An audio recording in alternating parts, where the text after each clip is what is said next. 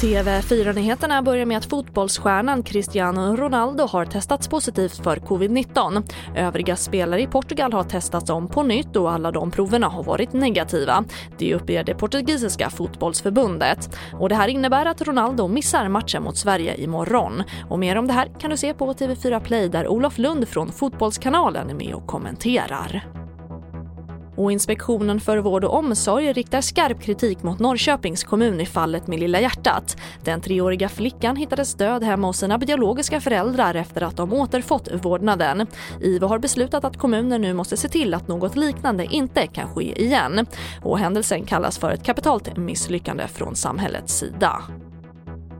Och narkotikahandeln förekommer på många svenska skolor, det visar en kartläggning som TV4 Nyheterna har gjort. Av de 183 kommuner som svarat på frågan säger 43 att det sålts narkotika inne på någon av kommunens skolor. 103 vet inte och 37 hävdar att det inte finns narkotikaförsäljning.